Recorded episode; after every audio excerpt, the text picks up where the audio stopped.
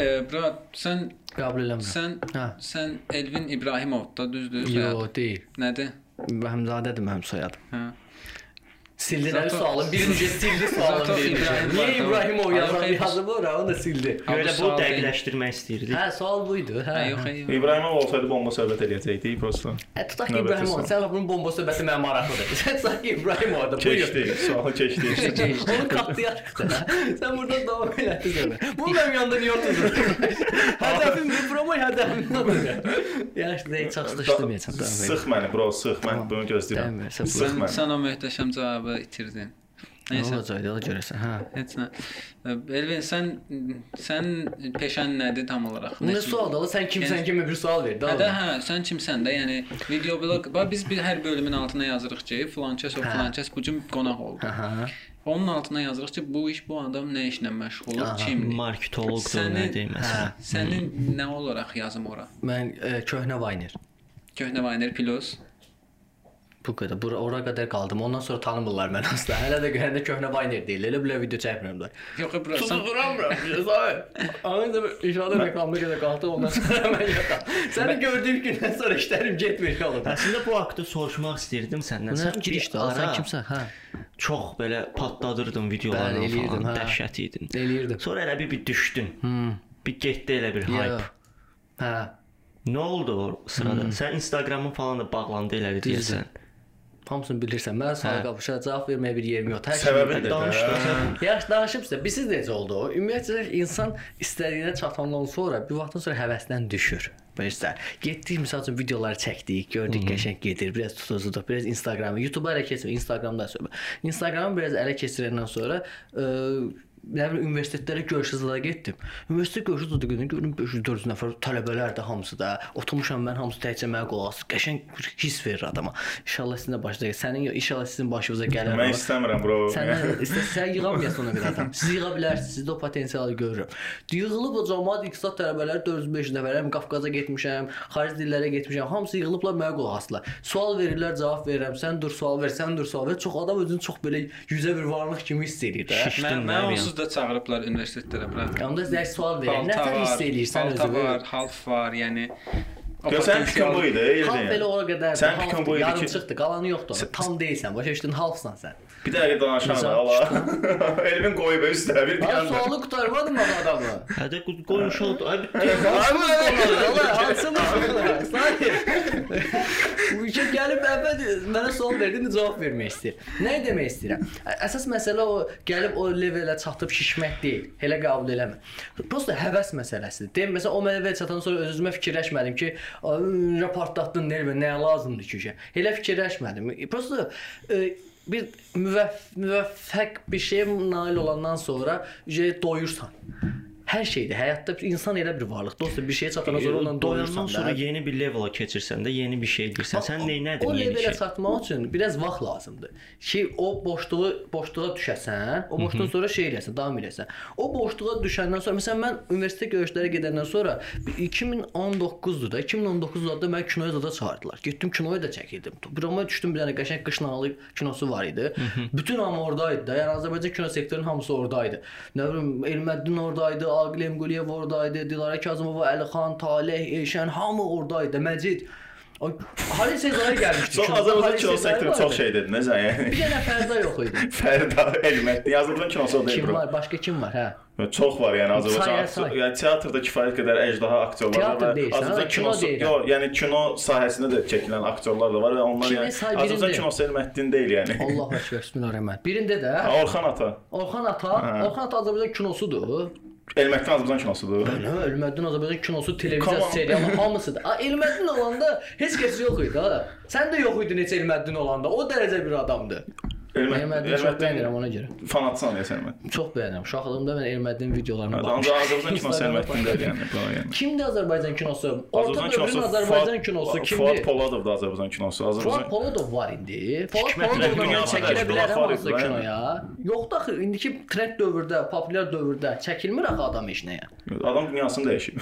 Bildin Yəni də, dünya- ha ölübmüş, mən bilmirdim, Allah rəhmət etsin. Ya yoxdur da adam. Var bro, var. Yəni aktyorlar var. Mən belə bir at çəkən Sonra deyirəm. gəl belə eləyək də. Bax, bundan 10 il keçib 10 il sonra sən bir video bloqeri yenə qo- çağırmısan verilişə. Adam çönüb sənə deyirsə ki, sən danış bir nəfər danışır ki, hə Elvin İbra var idi, o video bloqeri, onlarla bir yerdə o şey veriliş apardı. Sən nə deyirsən? Çönüb deyirsən ki, Azərbaycan video bloqerliyi Elvin İbra deyil, nə bilim Əlxan deyil, yo, deyil bu deyəsən. deyərəm, video- Deyəsən də çünki bu adamlar yo, video bloqerliyi açıb ölkədə, məsələn Mənsurdur, mənə Yox, Azərbaycan nəfərdir. əlbəttə açır, yəni. Açmayıb. e, Mənim olduğum dövrdə ən məşhur o adamlar idi. Niyə gedim Rasim Balayevin şey Babək kinosuna çəkilim? Nətər eləyim onu? Keçmişə qayıda bilmirəm axı. Təbii ki, qayda Biz bilmir. demək istəyir ki, Murad, yəni tanı, tanıdığımız TV-lərdən gördüyümüz simalar, simalar oradaydı. Yəni dem, e, sən belə başa düşdüm ki, deyir ki, yəni Azərbaycan filmini onlar təmsil eləməsin. Yox, hə- həminki dövrdə, e, mən ola o 2019 ya da indiki dövrdə də Azərbaycan filmini təmsil edən insanlar onlardı. İndiki dövrdə. Kim təmsil edir? İndiki Ruh 2000 Hasanov var məsəl üçün. 2015 Bay- belə Bayramov var. Yəni Venesiya festivalında ə, filmi və indiyənəcən heç bir Azərbaycan filmi o, o Ölkədə yəni yoxdur ya adam, orada ola bilər Venesiyada. Ölkədə yoxdur axı, ölkə olaraq oldu da. İndi hal-hazırda Ermədin də, Fərda da, Müşfiq də, Məcid də hal-hazırda kütləni saxlayan onlardır. Sektoru qoruyur, kino sektorunu hal-hazırda əlində saxlayan bu insanlardır. İndi biz də onu dedik ki, bir kaş buraxsaydılar, başqaları tutsaydı. ki, onlar siz dediniz adamlar o bu sektora, komediya sektoruna işləmir axı, onlar sənədli film işləyirlər. mövzu komediyadan gedir bə, hə? Kino sektorunu pusa saxlayan 70% insandan gedir söhbət. Sənin 30% saydığın insan ola bilər sənəti seçiblər. Onlar sənət sahəsi. Bunlar amma kino sırf kino sektorunu saxlamağı seçiblər. Sən indi o dediyin adamlar Azərbaycan film sektorunun inkişafı üçün atdığı addımlar o elə bir ki 1% olan bir şeyi 0.1, 0.2, 0.3 olaraq qaldırsınlar. Onda bunlar dayansınlar, onlar eləsinlər sən dediyin belə çıxır ki. Amma bunlar dayansa onların elədiyi güclə gəlib çıxmayacaqlar axı. İndiki səviyyə Azərbaycan kinosu inkişaf eləməyəcək o qədər sürətli. Yəni səncə ə, Elməkdən Azərbaycan kinosunu inkişaf elətdirib? Ya Elməkdən burada mən Elməkdən bir şey eləmirəm. Okay, Yəni, Lüboy o indiki dövrdə sənin sənədli film çəkən adamlar və festivallara film verən insanlar, aktyorları, ssenaristləri qoysaq qırağa, hal-hazırki dövrdə o orta dövrün aktyorları televiziyada, kino seriallarda və s. çəkilən adamlar Azərbaycan kino sektorunu saxlayan insanlardır. Onlar olmasa mən indi sənə sənin buna sən razı deyiləm yəni. Sadəcə bazar bo bazar boş da deyil əslində. Yəni, bazar boşda sən dediyin adamlar var idi. yo. Ölkədə yaşayırlar. Bu Ha, insanlar suçluvuydu. Var da bu insanlar. İnsan olaraq Ha, var. okey. Ölməyib hamısı sağdılar hə. E, niyə heç nə eləmirlər Azərbaycan kino sektorunu inkişaf etdirmək üçün yaxşı? Ya da elədikləri şeylər cüzidir də. Artım vermir. İnkişaf Kütləyə etdirmək kim nə, işləyir? nəyə deyirsən inkişaf etdirmək? Kütləni artırmaq, kino sektorunda kütləni artırmaq. Məsələn, mən kinoya baxmayan adamam, birdən-birə kinoya gedib baxmaq istəyirəm. Onun gedib sənədli filminə baxmayacağam, bax, gedib komediyaya baxacağam, ya bilim drama baxacağam, nə bilim bozbaşa baxacağam, nə isə baxacağam. Ya, əslində- Sən bəyənməyə bilərsən. Amma o demək deyil ki, onlar inkişaf elətdirmirlər, eləyirlər. Sən bəyənməməyin ayrı bir kateqoriyadır. Təşəkkürlər Elvin İbrahimoviç qonağımız özü yaşayır. Əslində düz deyir yəni e, pis də olmalıdır, yaxşı da olmalıdır. Sən bəyənmirsənsə, O pis- pis yox, indi onun nəzəriyyəsində Hə, hə, pis baxırsansa, pis başqadır. pis Yox, mən deyil. pis baxmıram. Mən sadəcə açıq deyirəm ki, o kino deyil yəni. Nə deyək kinoya? Gözə görüm kino nədir? Mən çox maraqlıdır. Kino çox çətin Kino yəni Tamam, şey deyil də, başa düşdün? Kimisə 30-40 nəfər gəlsin və mən Okay, 5 ssenari manat. yazılma qaydasını deyin. Yox, mən sən ssenari qara oturmaq. Onda nə bilirsən kino nədir? Mən səndən kinodan necə söhbət edirəm? Sən se- ssenari yazılma qaydasını bilmirsənsə. Ssenari qaydasını bil. Ssenari yazılma qaydası var. Sayı var, kulminasiya nöqtəsi var. Ya onu bilməyən deyə bilməz ki, kino, yəni mən kino, Sən- kinoya baxıramsa mən deyə bilmərəm ki, bu kino pisdir, ya yaxşıdır. Mütləq kino çəkməliyəm Fikir özümə. bildirə bilərsən. Mən fikir bildirirəm ki, o kino deyil. Amma sən deyirsən ki, onların heç biri kino deyil. Amma- ölmədiyin bir okey, belə olsun, onlar mənim üçün- adamdan soruşarlar da, yəni Yəni ki, e, ssenari yazılma qaydasını bilməklə iş dəyişmir də. Yəni okey, ssenari yazılma qaydası bir şablondur, klimaksi olur, başlanğıcı olur, tam da o sadə kulminasiyası şey olur. sən bilmirsənsə, bilmədiyin şeyi necə tənqid edə bilirsən?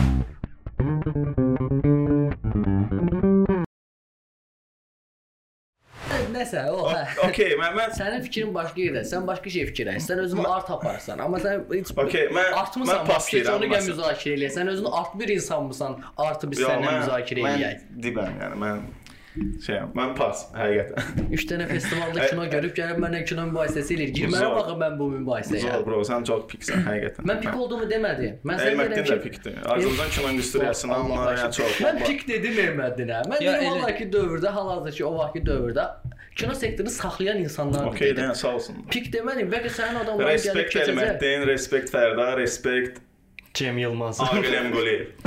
Valla nə bilim başqa bir yerdə bir insandır. Amma özü də o deyil. Məncə şuma qoşulmusan, şumdasan sən bu saat. mən Amma özünü izah elə biz sənə inanaq. Sən belə şey elədikcə daha pis olur adam ki, o gün görsən nə bilir Allah məndən artıq mən izah eləyə bilmir fikri. De də mənə, denən mənə aydınlat. Bəlkə mən sənin fikir və qapılacam. Mən də sənin kimi elmədiyini söyləyəcəm. Sabah deyəcəm o bir zor Mən deyil. Roman heç kimi gördüyü işə görə söymərəm yəni. Mən E, Dedim, e, şeydir, işi. Elvin, pox nəyin nəyin nəyi demək- istəyir məncə, yəni belə izah edeyim də, e, deyək ki Hollywood Hollywoodu götürək. Hı. E, Hollywoodda belə kütlənin getdiyi, ən çox izlədiyi məsələn Rock var idi. E, Onun filmləridir, atıram. Dwayne Johnson. Hə. Dwayne Johnson. Living. Hə. Yəni Cyborg, hə, farsajın, farsajın özü olsun da. Aha. E, o film konkret olaraq bir kütləyə işləyən hə- həm gənc kütləni özün özünə çəkir, həm orta yaşlı, həm böyük. Elə elə bir şey elə götürüblər ki, ancaq kassaya işləsin də film başa düşdün. Və bu kommersiyadır bir başdan sona və burada sənət daha az hiss olunur, nəinki də digər filmlər. Bəli. İndi söhbət Azərbaycandakı bu filmlərə gələndə də e, sən Hollywood filmi deyəndə ağlıma hər halda yəni bilim farsaj gəlmir də ilk. Düzdür, sənin ağlına daha sənətsəl, daha üst səviyyə film rejissorların filmləri gəlir. Burada da Elməddinin elədiyi elə bil hətta farsaj yaxşı nümunədir. Elməddin sən nə yavaşdansan, mənim sıxıldı. Biraz sürətli danış, Hə, yox, nə atım. Siz çox sürətli danışdınız. Hə, Biz elə bir tutduq Elməddindən. Elməddin ölçü deyil, yəni əslində yəni Elməddin məncə yaxşı aktyor olaraq yaxşıdır, yaxşı istifadə olunsa, yaxşı aktyordur. Söhbət ümumiyyətlə o həmin kateqoriya filmlərdən gedir də, bir sırf komediya filmlərindən. Mən düşünürəm ki, burada e, sənin dediyi odur ki, yəni həmin o kommersiya işləmək, film sektorunu ayaqda saxlamaq demək deyil də, onlar prosta pul qazanmaq üçün metod tapıblar və görüblər ki, bu çox pul qazandırır və bunu eləyirlər. Filmi inkişaf elətdirməyə çalışmırlar, sadəcə pul qazanmaq Tam da pul qazandıqca avtomatik şey insanların kinoya baxışı artır da başa düşdün? Yəni burada- onlar nə qədər zəif də iş görsələr, nə bilim, e, düşüklük də eləsələr, şiddet də eləsələr, Burada belə bir eləsələr, mövqe- amma onu bəyənən bir kütlə var komedik olaraq, düzdür? O insanlar kinoteatra gəlir. O insanlar kinoteatra gəlib pul verdikcə kino sektoru inkişaf eləyir. Okay, icazə indi ver bir dənə burada mən başqa bir şey deyim də. Ee, burada söhbət nədən gedir? Bu adam həqiqətən də kino sektorunu inkişaf elətdirmək istəyir. Yəni bunun belə bir məqsədi var, yoxsa pul qazanmaq istəyir? Bunu mən belə ayırıram. Nə fərqi Yəni var? söhbət deyək ki, Emil Quliyevdən gedirsə, ya da ki, nə bilim, aktyor olaraq Hikmətdən gedirsə, ya da ki, rejissor olaraq Rudan gedirsə, Ruyunun ya da o birisilərin məncə məqsədi var ki, yəni onlar da istəsələr çox kassa yığan filmlər çəkə bilərlər. Pul qazanarlar da. Amma həm istəyirlər ki, daha sənət ə, sənətsel filmlər olsun portfolyolarında. Həm də ki, film sektorunun həqiqətən də inkişaf elətdirməyə çalışırlar. Avropada tanıtmaq istəyirlər filmləri. Yenə pulları yəni yoxdur? pul pul söhbətidir. Səncə Emil Quliyevin büdcəsi çox böyükdür? Səncə Emil Quliyevin çəkdiyi film? Yəni bəlkə yo, o, o kinoların ümumiyyətlə büdcəsi çox aşağıdır. Əlbəttə. Tək məkan. Yəni deyirəm bəlkə yəni, oğlan evindən aşağıdır, filan kəs. Kimin pulu yoxdur? Sən dediyin sənət adamlarının bəlkə pulu yoxdur, böyük met şey şeylər çəkə bilsinlər deyə. Bir şey onun pulu yoxdur, misal üçün Elməddin çağırıb çəksin deyə. Yox, Elməddin Sən gör. Elməddin də gedir sponsordan pul alır. Sən dediyindən belə üzr istə. Sən dediyindən belə çıxır ki, həmin rejissorlar e, şey eləmək istəyir. Ancaq sənəti seçiblər, pul qazanmaq istəmirlər bu sektordan. Kim? Emil Quliyev, Ru, Ju, nə bilim. Bə, bə, orada balans var, başa düşdün? Hamı pul qazanmaq istəyir də. Yəni Yox, adamın amma kateqoriyası o deyil. Komediya çəkmir, adamın çəkə bir- bilmir bəlkə də. komediya söhbət deyil. Çəkməli deyil. Mən demədim çəkməlidir. Yox, kassa yığan film məncə təkcə komediya deyil də. İstəsə deyirəm, yəni kassa yığan film çəkə bilər. Məsələn, pərdənin atıram pərdənin misal olaraq yaş hədəf kütləsi 18 yuxarıda, hətta bəlkə də Azərbaycan üçün 20 20 yuxarıda da başa düşdün. Yəni o istəsə daha böyük hədəf kütləyə şey xitab edən film hazırlayardı. Aha. daha çox kassa yığmaq istəyərdi. Hə. Sadəcə ə, belə deyim, könlündən keçəni eləmək istəmək söhbəti var.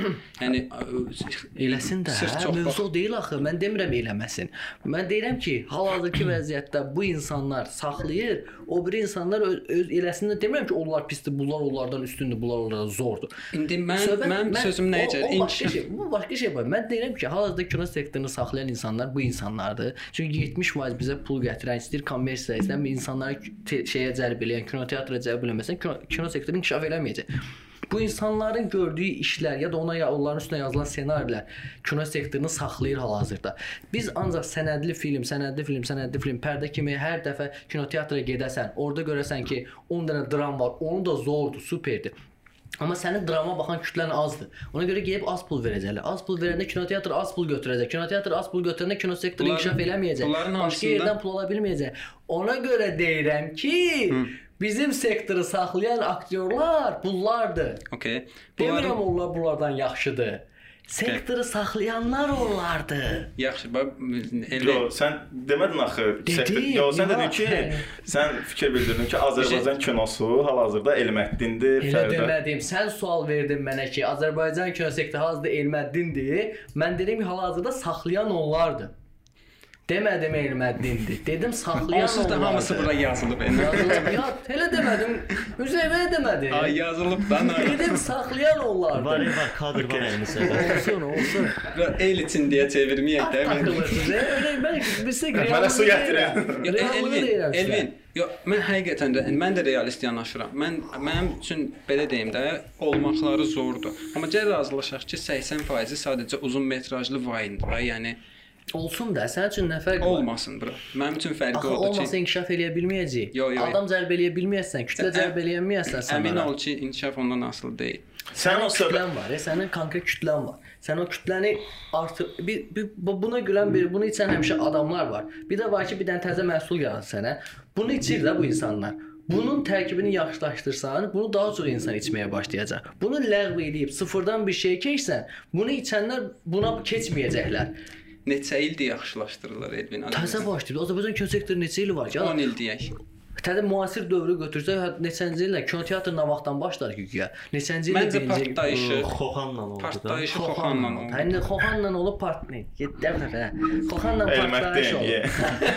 Demirəm Elməddin, deyirəm Fərda. Yo, şey Fərda, Fərda. hə. Misal üçün də, indi bax o adam o kinoda aktyorluğun göstərməsəydi, komedik bir serial, qorxu, ola bilsin oğurluqdur, kutsal damacanı və s. Kino sektoru inkişaf eləyərdi. Bu bu levelə gələrdi ki, sənin o art dediyin insanlar kinoteatra şey verə bilsinlər. O onların bir təkanıdır. Bu insanlar bu təkanı verib bizə və indi də sektoru saxlayanlar da onlardır. Olsun bura. Ya, mən doğrudan cavabın yoxdur, Yox, yoxdur. Yox, yox, doğrudan yoxdur yəni. Mən pas, yəni doğrudan. Mən pis Həqiqətən düz düz dedin də, yox, həqiqətən arqumentlərin zor idi yəni. Təşəkkür edirəm minnətdaram. İnşallah məni yola vermə. Yox. Adamla rəsmi ciddi söhbət edirəm. Yox, həqiqətən yola vermə. Və o onları kino saymıram. Və prosta hazırki dövr odur. Yəni onlara ehtiyacımız var. Onlar kimi olmağa çalışın demirəm. Hamımız onlar kimi olaq partladaq. Təbii ki, fərqlər lazımdır. Amma biz kütləyə işləyirik də. Xalq ümumiyyətlə biz video bloqerlərdə, YouTuberlərdə, aktyorlarda, ssenaristlərdə hamısı kütləyə işləyir.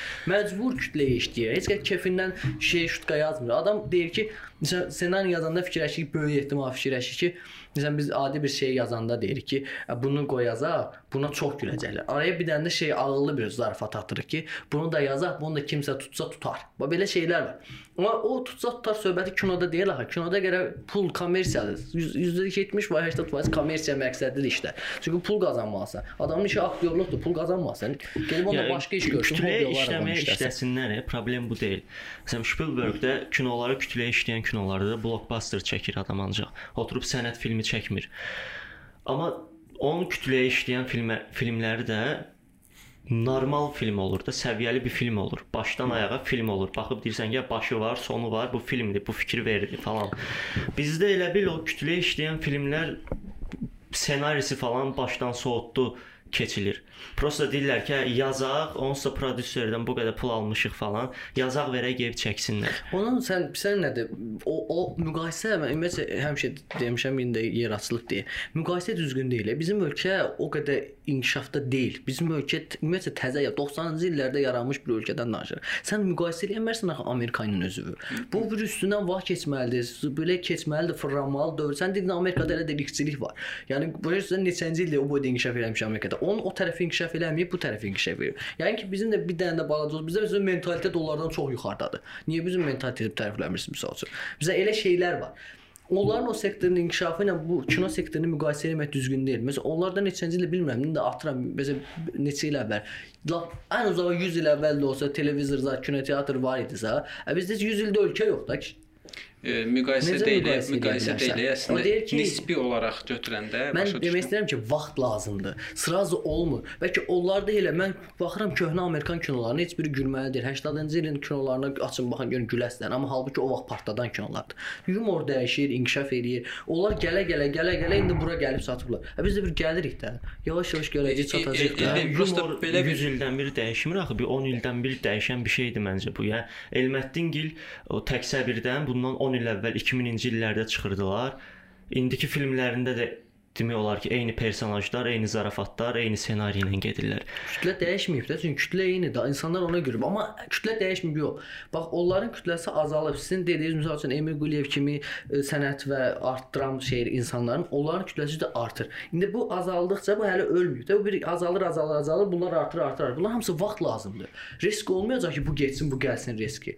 Hamısı vaxtla olacaqdır. Siz niyə tələsirsiniz? Bax, indiki cavanlar hər şey tələsir. Yaşayanlar Amma. Elvin e, şey var da, yəni həmişə inkişafa getmir də.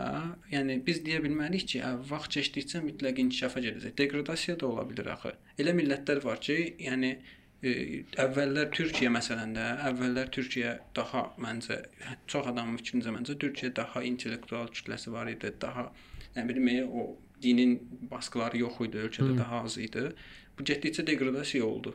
Elə bir əksə gedir ölkə. Onun da səbəbi nə olur? Çoxdur da faktorlar, nə bilim, hakimiyyət olsun, e, medialar olsun və s. filmlərin də təsiri var.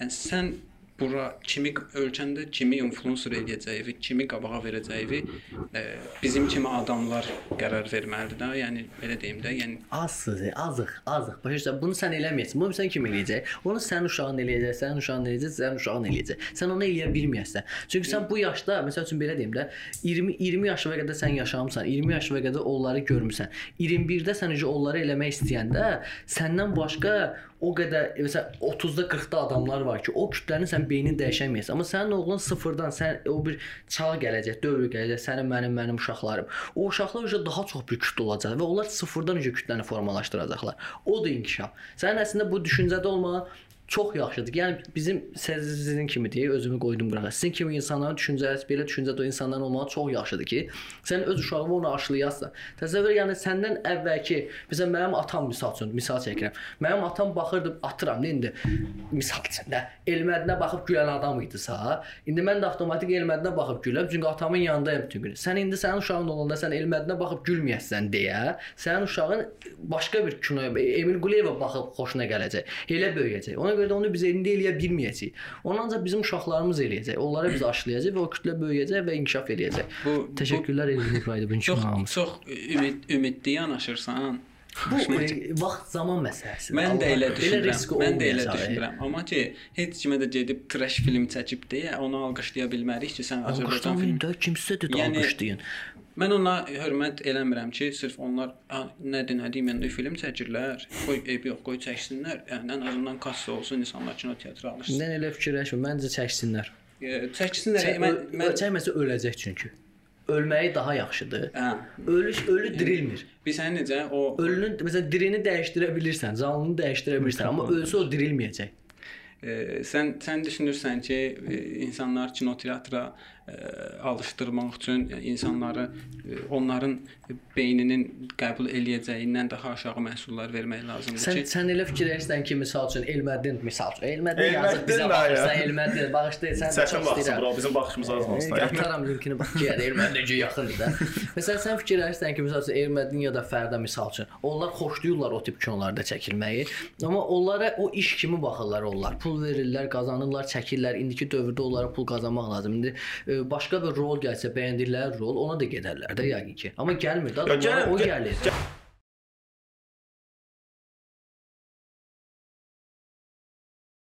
Kütlə onu tələb edir, kütləyə onu çəkirsən. Kommersiyada pul qazanmaq sən lazımdır. bir söz deyim də, yəni mən yəni kütlə sonda, yəni bozbaşı da məhv məhv edəcək, yeyəcək. Ha. Səni də əgər yəni belə, yəni sənin də vaynaları məhv elədiyi idi də açığı da, yəni başa düşdün. Hal-hazırda Elvinin yəni yoxdur da vayna açığı. Niyə yoxdur? Trenddəyəm bala mən. Bura gəlməzdən qabaq Yox. 21-ci yerdəyəm trenddə. Nətər yoxam mən? Sən vayna çəkirsən, yəni mən sən YouTube görmürəm. Ya açığı, ya mən demirəm, yəni ola bilsin indi okey trenddəsən yəni. Ancaq Ha. bir vaxt söhbətidir sənə 10 ildən sonra, 20 ildən sonra. Aha. E, 10 ildən sonra belə davam eləsə, yəni Elvində yox olacaq, Bozbaşda yox Niyə mən olacaq. 4 ildir varam hələ yox deyiləm. Yox, sən gələcək haqqında dedin, də uşaqlarımız haqqında, yəni Okey də, o uyğunlaşacağıq da. uyğunlaşacaqsan. Sən onda yəni sırf Uyğunlaşma. Mən keç 7 saniyəlik videodan başladım. 7, 15, 20, 31 dəqiqə, indi 8 dəqiqəlik video çəkirəm. Nətər olub bu? Yox bro, yəni Dəyişdi. məncə yəni bu sırf kütlə ilə gedən insanlar gec-tez yeyilir Yox. kütlə tərəfdən və unudulur. Bu 100%-dir yəni. Yəni kütlə dəyişsə, o bizi məcbur eləyəcək ki, biz də dəyişək. Amma kütlə Bu səncə bu normaldır yəni? Bu sən səncə bu düzgündür yəni sən Niyə deyil tərəfdən? Niyə deyil ki? O, sən nə danış? Niyə deyil? Niyə Okey bro. Yox bu 200-lük deyil. Kütlə bunu istəyir, mən bunu. Kütlə Kütlə dəyişirsən. deyil. Auditoriya adamıyıq ala biz. Auditoriya insanıyıq biz. Nə bilim yəni. Kütləyə işləyən bir topluluğuq biz. Bütün insanlar ölkə olaraq kütləyə işləyirik. Sən xoşuna gəlməyən bir insanı görəndə salam səndən zəhləmcə bir də səni görmək istəmirəm deyirsən üzünə. Yox, Demirsən şəxsi salam necəsən, nə var Şəxsi Sən münasibətlə neynirsən? sənətinə Sən avtomatik ona işləyirsən. İnsan olaraq fərdi insan. Yox bro, biz yox, işləyir. Bro, biz hal-hazırda sənətdən Çox mübahisə Yox, sən eləyirsən. sən yox, sən sənətlə məşğulsan da mən bunu inkar eləmirəm. Sən hə. çəkilişlə məşğulsan, yəni incəsənətlə məşğulsan. Yəni bu şəxsi münasibət tamam başqa şeydir. Mənim Niyə? elçindən zəhləm gedir, elçindən salam verir. Yox, Şəxsi münasibətlə sənətinə Sən dedin kütləyə işləmək. Mən deyirəm bir insan olaraq hamımız kütləyə işləyirik onsuz da. Sən fərdi olaraq kütləyə işləmirəm. Mən elçin mən bəyənmirəmsə mən elçinlə görüşməyəcəm yəni. Və yolda görsən, Və heç olmuyor ki, sən birini görmüsən, salam vermir, zəhlən gedir, amma görüşmüsən, salamlaşmısan, gülmüsən. Xoş əhval tutmusan. Yəni məsələ bu kütləyə də. işləyən bu proyektlər bir vaxtdan sonra kütlə dəyişəndən sonra onlar da gedir. Getsin də. Nədə də problem bunda? Gedir də bayaqdan sadaladığın hamı yoxa çıxacaq. Çıxsın da, neyniyim mənə nə? Hal-hazırki dövrdən danışırıq da biz. Çıxsın da Sən çıxmağını 10 istəyirsiniz, çıxmamağını istəyirsiniz. Mən başa düşmürəm siz nə istəyirsiniz hal-hazırda. Biz istəyirik ki, yəni daha doğrusu mən istəyirəm Aha. ki, bro biz istəyirik ki, elə işlər görülsün ki, ən azından Təcə. 10 il sonra baxanda deyək ki, ha bu film zor idi. 10 il əvvəl çəkilib, hələ də aktualdır, hələ də baxır ləzzət eləyir. Var belə kinomuz var. Sən bu üzdə olan adamlar dediyin insanların elə filmi yoxdur axı. heç birinin yoxdur. Bir dənə var? də yoxdur. Nə Fərdanın var Kənan Əmimlə çəkdiyi, nə idi? Gecə qonağı. Sən onu saymadın. İndi adam milyon dənə iş görüb də. Birində nə var bir başqa? dənəsində. Tək səbirdən sonra nə var? Tək səbir var da zaten. Tək səbir deyirik də, tək səbir zor idi. Yox, tək səbir var da. Yəni 10 il sonra sənin danışa biləcəyin fərdi haqqında bir şey var da. Tək səbir elə də. Tamam, bəs dedim bir dənə iş yoxdur. Mən də deyirəm bir dənəsi var da heç olmasa. Başqa nə var? Elmətdində bir nə var? Hamısı bir özüm gətirib dedim tək var. səbirdə olublar. Başqa nə var? Səni bir tək səbir qane elə eləmədi səni. Eləmir. Film olaraq bir şey dinən mənə. Başqa kimin yəni Yox, kimin film olaraq bir şeydir. Dinən ki, bu adamın bu filmi çox superdir. dinən. Xoxanda yaxşı idi ümumiyyətlə nəfərdə. Bomba kimi idi. 2 dənə oldu, bax görsən. Sonra Xoxanda nəyə yaxşı idi? İndi demədik Azərbaycan kino sektorunu Xoxandan açdıq. Sən dedin özdə. Açmaq ayrı bir şeydir, yaxşı Tamam. olmağı başqa bir şeydir. Bir var ki, həm Yaxşı bunu olmasa necə aça bilək? Yaxşı. sən yaxşıyı nə ilə ölçürsən? Sən də elə nöqtəsən. Sən Ya, əvvəldə səni Sən aydınlaşdırmağa Mən kütlənin inkişafı, sektorun inkişafı dediyin şey Hə.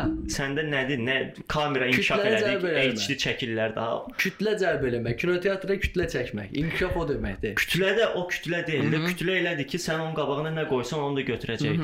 Kütlə ağıllı bir şey kütlə. deyil. Kütlə elə deyil. Kütlə ağıllı qabağına deyil. nə qoysan götürmür. Götürür. Götürmür. Kütlə ağıllı bir Denən toplum götürmür. deyil. Dostu olaraq denən götürmür. Nətər deyil? Ha, kütlə ağıllı bir toplum, kütlə Deyil. ağıllı fərdlərdən Fərd- ibarət bir şeydir. Fərdlər təklikdə ağıllı ola bilər, amma kütlə halında heç vaxt ağıllı ola Sən bilmir. sürü deyirsən, jo ayrı bir şeydəsən. Məsələ də sən budur da, yəni sən o kütləyə yaxşı bir şey qoysan, oturub ona baxacaq. Çünki məcburdur, o var ancaq TV-də ya da Yo, mən kinoteatrda. baxmıram televizora, söndürürəm. Amma kinoteatrda gedəndə görürsən ki, Gedib baxmıram ki, yaxşı filmlər var, Gedim ona 7 baxırsan. manat verim. Ha, Fərda var deyə buna 7 manat verməyəcəm ki. Baxacam treylerə, xoşuma gəlsə gedib baxacam da. İnsanlıqda ağlımız var, əqli kəmarımız var. Sən deyirsən kütləyə nə atırsan onu götürür. Mən deyirəm kütləyə nə atırsan götürmür. Kütlə kütlə də bizi formalaşdırır kütlə. Kütlə o kino sektorunu formalaşdırır və o sən necə formalaşdırır? Bu insanlar buna güldüyünü görən kino sektoru ona görə də buna aid şeylər çəkirlər. Problem də budur da ona aid Niyə çəkdikləri üçün insandır bu insan. Bu biraz paradoksdur.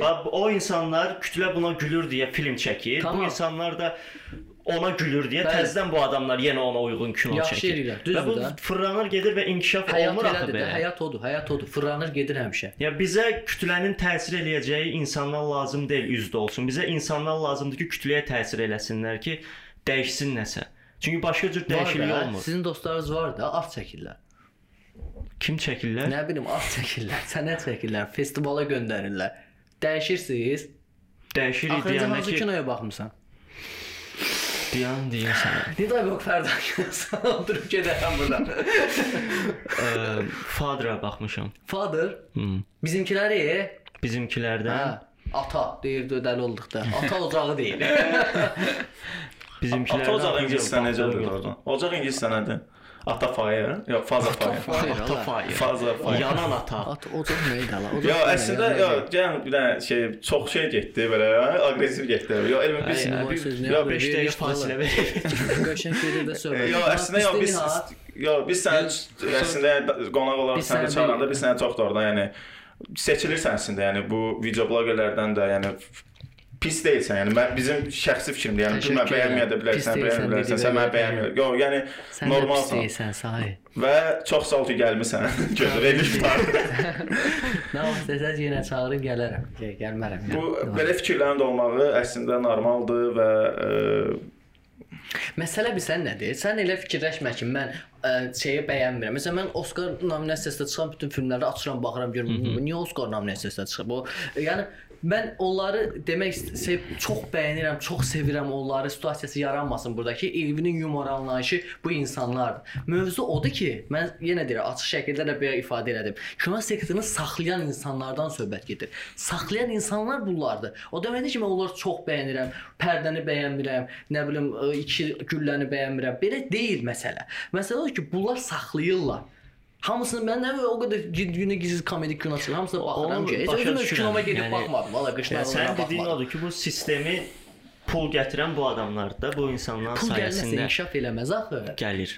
Bəli, onlar gətirir və o gəlməsə inkişaf eləməz. Yəni İnkişafa lazımdır. onu deyirik ki, pul gəlir gəlməyinə çox da zor eləyirlər, yaxşı eləyirlər, çəksinlər ki, pul gəlsin, hə.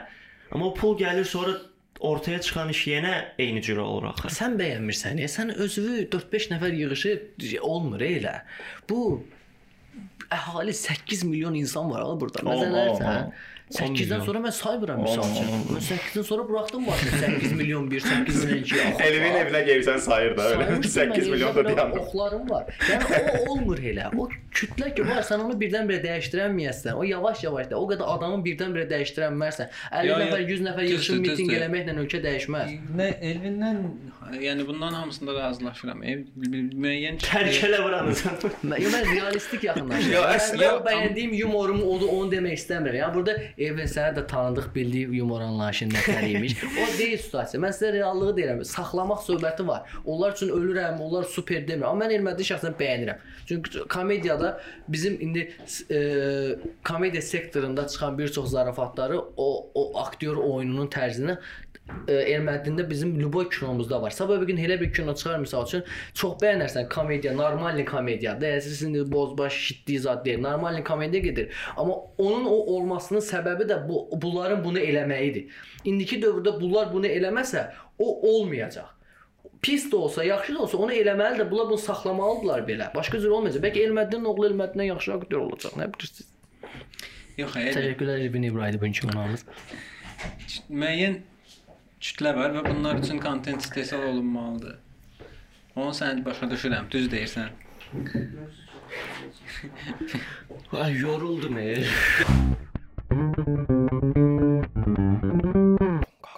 Evde otur sipariş et her zaman fani bo getirer Nəsəni yazmışdı ki, mən mən kütlə bunu istəyir, bunu verirəm. Özüm nə olsun Çernobilə baxıram. Təkcə ilkin nəsəni bəlkə də heç deməyib e, bunu. Amma belə bir deyim var da, yəni kütlə bunu istəyir, bunu veririk biz də. E, amma e, mən düşünürəm ki, yəni öz düşüncəsi və öz ım, bəyəndiyi şey o olmasa, onu çəkə bilməz öz, e, yəni heç kim. Başa düşdün? Yəni mən məsələn dostlarım var, tanışlarım var, yaxşı rejissorlar tanıyıram ki, e, nə qədər də olsa e, pul qazanmırlar, çox aşağı səviyyə gəlirləri var. E, ancaq amma dirəşiblər ki, festival filmi eləyəcəm də başa düşdün? Sən yəqin mənlə razılaşarsan ki, onlar hər halda onlar da bu filmi eləyə biləcək qədər kimi nəzərdə tutum, yəni professional rejissorlardan söhbət gedir də. E, komediya ya da kassiya işləyə biləcək filmlər çəkə biləcək adamlar tanıyıram, amma eləmirlər. Çünki burada biraz şey prioritetlər yaranır. Adam deyir ki, mən bu yaradıcılığa o qədər dəyər verirəm ki, ə, bunu bunu istifadə eləmək istəmirəm. Bir növ elə bir mən düşünürəm ki, bu insanların avamlığından istifadə eləmək və onlardan e, pul qazanmaq və onların inkişafını e, heç cürə nəzərə almamaqdır, başa düşdün? Yəni film bir intellektual məhsuldur da, düzdür, kitab kimi. Hı -hı. Sən gedib hansısa axmaq bir kitab yazan yazıçıya necəsə necə ki sən kitab yazan yazıçını qınayırsan, bu da əyləncə məhsuludur, da entertainment məhsuludur. Mən məsələn hansı yazıçı mənasız axmaq və insanı daha da axmaqlaşdıran bir kitab yazıbsa, düşüncələr yazıbsa o kitaba, o kitabın mən qınayaram. Nə olsun ki, çox oxunur. Başa düşdün? Axmaq insanlar oxuyur da. Yəni Elə deməz. Yox, söhbət. Bəyənən insanlar oxuyur. Zövqü ona xitab edən insanlar Amma, oxuyur. amma ki, ümumilikdə Axmaq deyil ki o insan, zövqü ona xitab edir. Zövqü zəifdir deyə axmaq demək olmaz axı. axmaq deməyək. Axmaq deməyək. olsun. hə, İnsanlar axmaq deyil. Ə, hə, Mən heç kimi, heç kimi, heç bir Xeyr, IQ-su daha aşağı deyil. IQ-nun bir bar, barını sən seçə bilmərsən. heç kimi mən belə belə eləmirəm. Sən axmaqsan. Yox, sən deyirsən onu oxuyanlar axmaqdır. Mən deyirəm Dünyada axmaq insanlar var, Elvin. varlar, amma Məsələn. onu bəyənirlər deyə axmaq deyillər. də O şey- insanlar prosta axmaqdılar deyə elə bir Nurlan insanlar. Sabirova bir dənə stand-up var, çıxır səhnəyə qayıdır ki, biridir o. Həyaş deyil. Qayıdır ki, bəs axmaq insanlar, onlar hər yerdədir. Onlar o qədərdir ki, hətta onlardan birisi sizdə, yəni burada oturanlardansınız. Bir yox, bir çoxu. Bir çoxu siz. Elvin oradan durur deyir ki, yox, axmaq insan yoxdur. Yox, o şutqa edir. O gülməli də o şutqa eləmir axı, ciddi danışır. Yəni yaşda deyil, bax həqiqətən. E, intellektual məhsuldur və bu e, mən ondan baxanda nəsə götürürəm. İstəyir komediya olsun, istər istənilən bir janr olsun da. Hı. Amma sən onu yaradanda sadəcə pul düşünsən ki, kütlə baxsın, onu bunu istəyirlər. Mən də bunu verirəm də. Bu düzgün yanaşma deyil məncə. Sənətə və ümumiyyətlə sektora, ümumiyyətlə sənayeyə e, ola bilər sənayeni inkişaf elətdirər, amma sənətə hörmətsizlik kimi yanaşıram. Yəni sən o qədər ciddiyə almırsan da, başa düşdün? Məncə elə deyil. Necədir bax, necədir? Çünki qanamız evini bırak. Hər nə olur olsun, любой şey, hər nə olur olsun, p- pis, bərbad, iyrənc, axmaq, любой şey inkişafa ə, təkandır. Lüboy olmamağı təkan deyil. Səhv olduğunu düşünürəm. Lüboyunun olmağı nəsə bir spiçkadır. Bir də var ki, spiçka yoxdur. Razıyam. Bəli.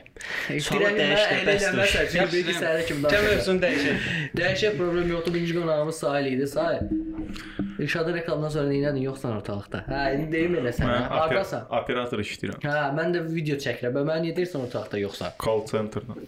Yox, da oradan qabaq çox idin da. bura- Qabaq çox idi deyəndə ki, e, indi də var əmi. Prosta sənə sənə xitab eləmirəm, sən məni Yo, izləmirsən. yo, ona görə demirəm. E, Məsəl üçün Instagramda girirsən, e, nə gedir o? Mən Insta kəşf explore. Mən Hə, Insta, explore. Instagramda işləmirəm axı. Mən YouTube-daymışam. Mən baxıram. YouTube-da da çıxmırsan axı rekomendasiyalarda yəni. YouTube-da kim kimin qabağına rekomendasiyada çıxır Çıxır da məsəl üçün baxanda nə Əlixan Gilin videoları çıxır, O alqoritmik bir şeydir. Onu Elvin, e, uyğunlaşdırmaq lazımdır. şey olub, prosta Yo, səndə mən onu dem, o mənada demirəm. trend deyiləm ola bilərəm. Hal-hazırki Yo, dövrdə qabaq- trend deyil. Hə, qabaq məsələn- trend idi. Qabaq daha çox, Hə, o- o məsələ odur. odur. Təbii ki, qabaq hamı çıx ilk dövrüm çıxan dövrdə çox trend idi. Amma eləsi var saxlaya bildi onu, eləsi var ki, başını buraxdı mənim kimi. Yavaş-yavaş həyatda durmağa çalışırıq. Axırıncı dəfə öz sən bilsən harda görmüşəm sənin işi. E, İncə sənətin şeyində var idi. WhatsApp qrupunda şey atmışdılar. İncə sənətdə qabiliyyət imtahanı. E, distant təhsil. Hə, universitetdə video çəkmişdim Hə, o zor idi. O uşaqlar hamısı. Ona o ona baxmısan da. İndi məsələn mənə də kütlə məsələsi var. Yox, o mənada yox da qabaq bax- Test-test çıxırdı Bilirsən niyə qabağa. qabaq tez Çünki qabaq tələbə çox çəkirdim. Həmişə tələbə çəkirdim. Mən tutuzdurduğum şey tələbə idi. o. Çox tələbə çəkdim və bezdim ha. Tələbə də çəkəndə sən tələbə, o tələbə, bu tələbə baxırdınız. Tələbədən sıxıldım və tələbə çəkməməyə başladım. Tələbə çəkmədim deyə səni itirdim, bunu itirdim, amma başqasını götürdüm. Yəni sən baxmırsan axı o çəkdiyim. Ona görə sənə görə yoxam mən. Amma məni hər gün adam bilir ki, mən hər gün var. su- Suallarımdan biri odur ki, səndə izləyici yaş aralığı nədir belə bir 18-24. 24-ə qədərdir. 18-24. Bura biz sən niyə bizim qabağımıza çıxmır? Sən 25-dən çünki işə. Üzə 25-lik. Doğrudan elədir. Yəni mən universitet birinci kurs, ikinci kurs. Mən bazı universitetdə oxuyuram. Yox, da Sən kəsilib 25 sən. hə? 25 amma universitetdə oxuyuram. O sənin problemindir, davam edin. Bəlkə üstünlüyümdür ya. ya necə istəyirdin? Mən də mən də magistr eləyirəm də, yəni yenə universitet kateqoriyasında, amma yaş artımı olub deyə mən 3-4 il əvvəl səni daha çox görürdüm Instagramda hər yerdə. Ola Yaş- bilər bununla bağlı. Və mən sən ümumiyyətlə məmnunsan bu kütlə üçün işləməyə, belə səni qane eləyir, yəni şey olaraq, yaradıcılıq. Prob eləyirik də, hər şeyi prob eləyirik, amma tutan şeyin arxasıca gedirdi. Çünki video bloger adamıq. Yəni biz sənət adamı deyilik, Sahil. Bağışla məni Sahil. Mən kommersial bir insanam. Bu mənim işimdir. Bu Bu zor, çox həqiqətən. Məsələn, bir şey eləyirsən, bir işdə işləyirsən, internet mühəndisi işləyirsən, nəyəsə avtomatik müdirə yaxşı göstərmək istəyirsən, o müdir olan hər işdə elədir ki, müdirlə heç nə danış, sərt danışamırsan. Müdir sənə bir iş tapşıran deyə bilmirsən, eləmək istəmirəm müdir. O o odur. Çünki ona işləyirsənsə, ona xoş istəyirsən. İnternetdə də eyni şeyin başqa cür müqayisə edir. Bu mənim işimdir və kütləni kütlə mənim müdirimdir. Mən kütləni xoşbəxt eləməliyəm. Ona görə də onlara meyilli şeylər çəkirəm. Özümə aid olan şeyləri də atıram aralarına. Özümə aid yumor anlayışımı da qatmağa çalışıram. Amma əsasən 70% onlara xitab eləməyə çalışıram. Çünki məsələn məndə tutan şeylər ailə münasibəti şeyləri məndə çox tutur. Bir dənə ondan çəkirəm, e, iki dənə ondan çəkirəm, bir dənə öz istədiyimi çəkirəm. Sonra təzədən iki dənə ondan çəkirəm. Məsəl üçün, bir dənə bundan, bir dənə tələb atıram, bir dənə belə bir bir bir belə gedirəm. Təşəkkürlər. Qutardıq, hə, qaldıq. bu sağ bu sual nə idi? Belə bir şeydir, hə. Hələ sən daha çox biznesmensən nəinki. İşdir də. Hə, influencer. Hamımız da elədir də. Hə influencer hamımız da elədir. Də kimdə elə deyil ki, elə mənə elə baxırsınız ki, elə bir təcə məndə elədir. Mən meyl edirəm bu səfə aşağılar, o birlər eləmirmi? Mən bu qədər mi qəddar yemişəm həyatda yarım. nə Hamımız iki yüzlü elədi bir deyəndə. insana. Bütün video mağazin. Bütün video blogerlər elədir də. Bundan qası bu variant yoxdur yəni. Любой video bloger bunu eləyir. Bu tutur deyə bunu çəkir. O yaxşıdır. Bir dənə də çəkəcəm bundan partladacam. Tutan layihəsini davam elətdirir. Yəni birinci mərhələdə olaraq, məsəl üçün mən universitetlər ideyasını tapdım, çox bəyəndim, dedim zordur, çəkdim, bomba oldu. Sonra ikincisini çəkdim. Sonra bomba oldu. 3 4 5 sonra dayandım. Məsələn mənim Akif müəllim tipajım var. İndi məni izləyənlər bilir. Akif müəllim tipajım var. Məndən istədilər onu bir dəfə çəkdim, tutdu. Bir il istədilər onu məndən çəkmədim. Çünki tutmayacaqdı. Tutub çəksəydim yandıracaqdım. Nə olsun istəyirdilər? A bir dəqiqə mən kütlə işləmirmişəm Nihat. Bəli. İndi öyrəndim. O qədər istədilər eləmədim. Gözlədim vaxtını, onlayn dərs çıxdı. Onlayn dərs çıxanda sıra Akif müəllimi təzədən çəkdim onlayn dərsdə. İndi yanvarda çəkmişəm məsəl üçün onlayn dərsi. 2020-nin yanvarı idi o. 21-in idi. 20-nin idi Nihat. 21-də idi. Yox, yayda çəkdim. 20-nin yayında çəkdim. 20-nin yayında onlayn dərslər çıxanda. Sonra ondan sonra heç çəkməmişəm heç nə. Akif ayət heç nə çəkməmişəm. Asıl Luboy videomun altında komment var Akif. Axırıncı video Niyə nədir? Axırıncı video Axırıncı videom bu sənsən, bu da sevgilimin padruqaları. O maraqlı idi.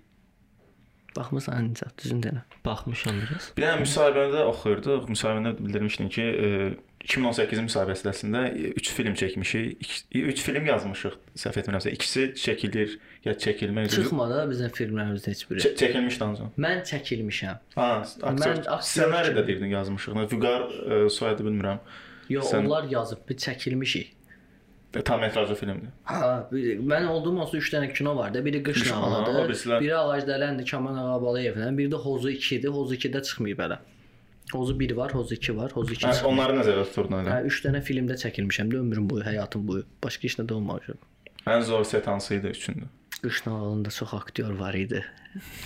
Hamımızın tanıdığı məşhur kino sektorundan insanlar. Azərbaycan kinosunun təməlləri. Saxlayan insanlar. Təm- Təməlləri. Necə insan var idi o gün. Hə, okey. Ən maraqlı dövrün, o dövrün ya maraqlı insanlar var idi.